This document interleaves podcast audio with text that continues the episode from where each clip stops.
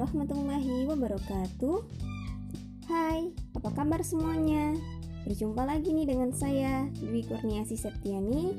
Saya dari Pendidikan Matematika A Universitas Pendidikan Indonesia dengan NIM 23244. Kali ini saya akan membahas mengenai dinamika pelaksanaan demokrasi di Indonesia. Sebelum melangkah lebih jauh, apakah teman-teman tahu apa itu demokrasi? Secara etimologis, demokrasi berasal dari bahasa Yunani, yaitu demos berarti rakyat dan kratos atau kertain berarti pemerintahan atau kekuasaan. Jadi, demokrasi adalah pemerintahan dari rakyat atau kekuasaan dari rakyat. Abraham Lincoln, mantan presiden Amerika Serikat, mengatakan bahwa demokrasi adalah pemerintahan dari rakyat oleh rakyat dan untuk rakyat. Jadi, apakah teman-teman dapat menyimpulkan apa itu demokrasi? Pasti sudah dong ya. Pasti bisa. Oke, jika kita ditanya nih, gimana kita dapat melihat postur demokrasi secara normatif? Nah, jawabannya adalah konstitusi kita.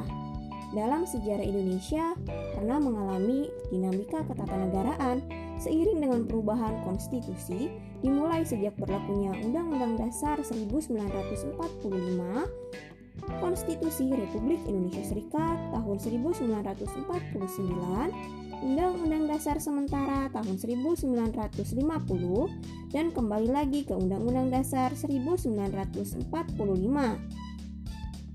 Di sini, Undang-Undang Dasar 1945 telah mengalami empat kali amandemen.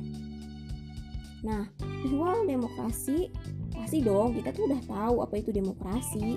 Nah, eh, postur demokrasinya tuh dapat dilihat dari fungsi dan peran lembaga permusyawaratan dan perwakilan rakyat.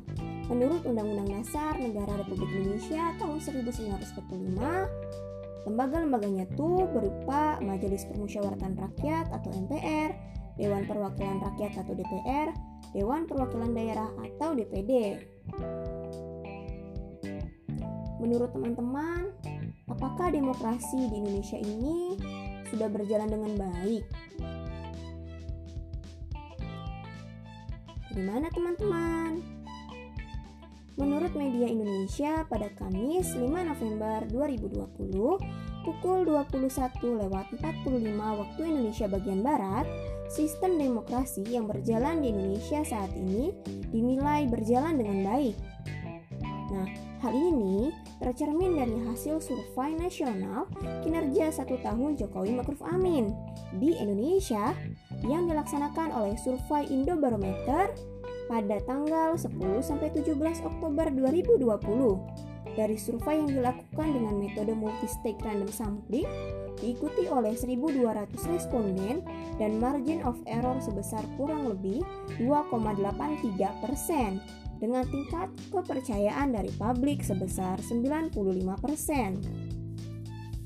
Nah, dari hasil survei itu tuh diketahui bahwa 77,9% publik merasa setuju dengan demokrasi walaupun ya masih ada kekurangan dalam demokrasi yang dijalankan oleh Indonesia saat ini.